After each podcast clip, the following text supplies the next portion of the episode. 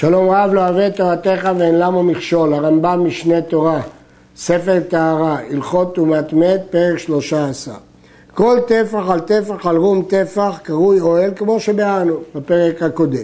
וחוצץ בפני הטומאה ומביא את הטומאה. בין שעשהו לההיל, בין שנעשה מאליו. אפילו היה שלא בידי אדם, הרי זה מביא וחוצץ. יש במשנה מחלוקת, מסכת העולות, דעת רבי יהודה, אוהל שלא נעשה בידי אדם אינו אוהל, אלא אם כן היה גדול לא יגרוף, אבל הלכה כחכמים שגם אוהל שלא נעשה בידי אדם אוהל. כיצד? אחד חור שחררו מים או שרצים או שהאכלתו מלחת או שצבר אבנים או קורות ונעשה בהם חלל טפח, כל הדוגמאות האלה הוא לא התכוון לעשות אוהל. הרי זה אוהל הוא מביא וחוצץ למרות שהאוהל נעשה מאליו. במה דברים אמורים בשעה אוהל חזק ובריא, אבל אוהל רעוע אינו מביא את הטומאה ואינו חוצץ בפני הטומאה מן התורה. אבל מדברי סופרים מביא את הטומאה ואינו חוצץ. לפי הרמב"ם, רק אוהל חזק מביא את הטומאה. עוד מעט נראה מה הגדרת החזק. אבל אוהל שלא חזק, בעצם מהתורה הוא בכלל לא אוהל. אבל מדברי סופרים הוא מביא את הטומאה ואינו חוצץ. כיצד? שריגי האילנות השוחחים על הארץ והם הנקראים סככות. והאבנים היוצאות מן הגדר הסומכות על הארץ והם הנקראים פרעות.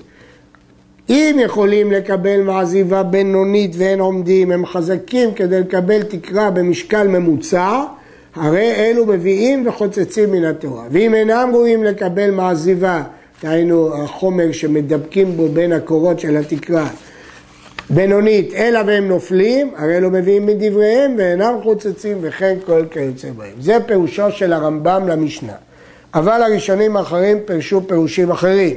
הרעב"ד משיג כאן ואומר שהדין של בדיקת מעזיבה לא נאמר לעניין חוזק הענפים או האבנים. לפי הרעב"ד לא משנה החוזק, אלא לעניין קרבתם זה לזה.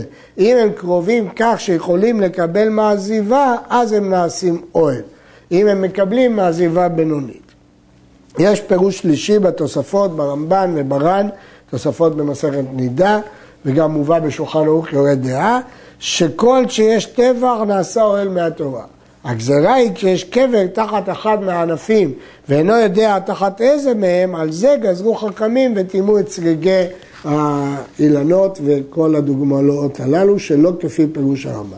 אבל הרמב"ם פירש את זה לגבי החוזק של האוהל. אלו מביאים וחוצצים, כלומר יש להם שם אוהלים. כלי העץ הבא במידה, כי כיוון שהוא במידה גדולה, 40 שאה, הוא איבד את שם הכלי, הוא עשוי לנחת ולכן הוא מביא וחוצץ. וכן כלי אבנים וכלי גללים, כלי אדמה, באים במידה, למרות שהם לא מקבלים טומאה, כיוון שהם נחים, הם הופכים להיות אוהל. ופשוטי כלי עור, ויריעה וסדין ומפץ ומחצלת, שהן עשויים אוהלים. למרות שהם מקבלים טומאה כשהם תלושים, כיוון שהם עשויים כאוהל, הם חוצצים. יש חולקים על הרמב"ם וסוברים שכל דבר שמקבל טומאה אינו חוצץ, ופה מדובר שהם מחוברים לקרקע. ובהמות או חיות, בין טמאות בין טהורות, והוא שיהיה ראש זו בין רגלי זו, והיו כולם דבוקות. קל וחומר שבהמה אחת הופכת להיות לאוהל. כל זה בזמן שעומדות במקום, אבל אם הולכות זה אוהל זרוק. והעוף ששכן, כלומר שהוא יושב ולא עף. בפירוש המשנה הרמב"ם מוסיף שהוא צריך להיות קשור, שאם לא כן אין לו קביעות. הכסף משנה שואל, הרי הוא לא יכול לקבל מעזיבה בינונית, אז הוא אומר שמדובר בעוף גדול. אבל ערוך השולחן אומר שהעוף מחמת חשיבותו נקרא אוהל גם אם הוא לא יכול לקבל מעזיבה. והחוטאת בשיבולים מקום לקטן להצילו מן השמש, אם יש שם טפח על טפח, ברום טפח, בתנאי שהשיבולים חזקות לקבל מעזיבה בינונית. ואוכלים שאינם מוכשרים, כדי שלא ייטמעו, כיוון שהם לא עשויים כאוהל, אם הם מקבלים טומאה, הם לא חוצצים. אז לכן צריך שהם לא ייטמעו. וירקות המתקיימים בימות החמה והגשמים, הרי הם כאילנות ומביאים וחוצצים, ואלו הם האירוז והכיסוס וירקות חמור ודלעת יוונים.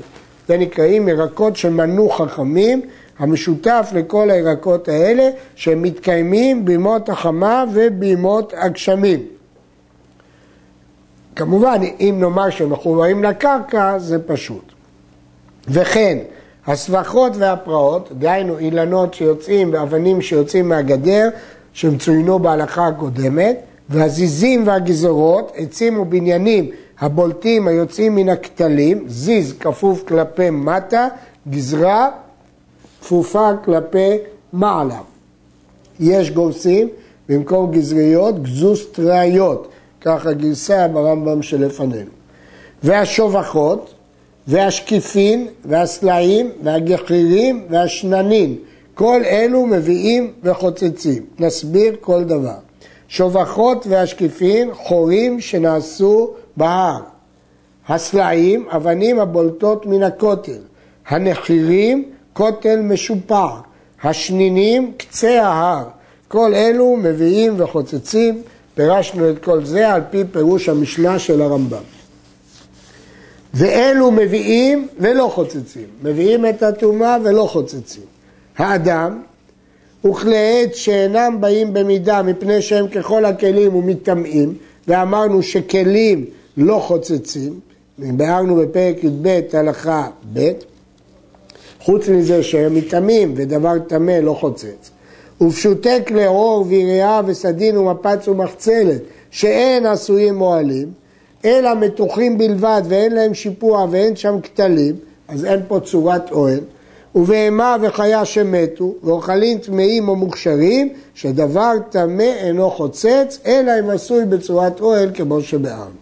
ויש אומרים שדבר טמא לעולם אינו חוצץ. ורחיים של יד, שהיא בכלל כלי אבנים, שאף הם אינם חוצצים, למרות שלא מקבלים תרומה.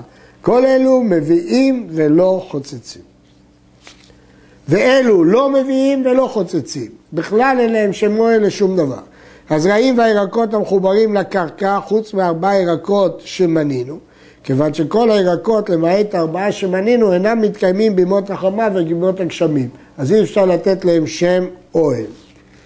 וכיפת הברד והשלג והכפור, מי גשמים שקפאו, הם לא מתקיימים כל הזמן, והגליד, מי נהרות שקפאו, והמלח, הדולג ממקום למקום, והקופץ ממקום למקום, והעוף הפורח, כל אלה אין להם שם אוהל יציב. וטלית המנפנפת, שהיא לא עומדת כאוהל יציב. ספינה שהיא שטה על פני מים, כל אלו לא מביאים ולא חוצצים. אף על פי שאילו אינו אוהל המתקיים, זה מה משותף לכל הדוגמאות הללו. אמרנו שספינה ששטה על המים היא לא אוהל קבוע. קשר את הספינה בדבר שהוא יכול להעמידה, בלשון המשנה עוגין, עוגן, כבש כנף הטלית באבן, הרי זו מביאה את הטומאה. בפירוש המשנה מפרש הרמב"ם שכבש את שני כנפות הטלית באבנים ונשבה הרוח באמצע והרימה את אמצעיתה ונעשית אוהל.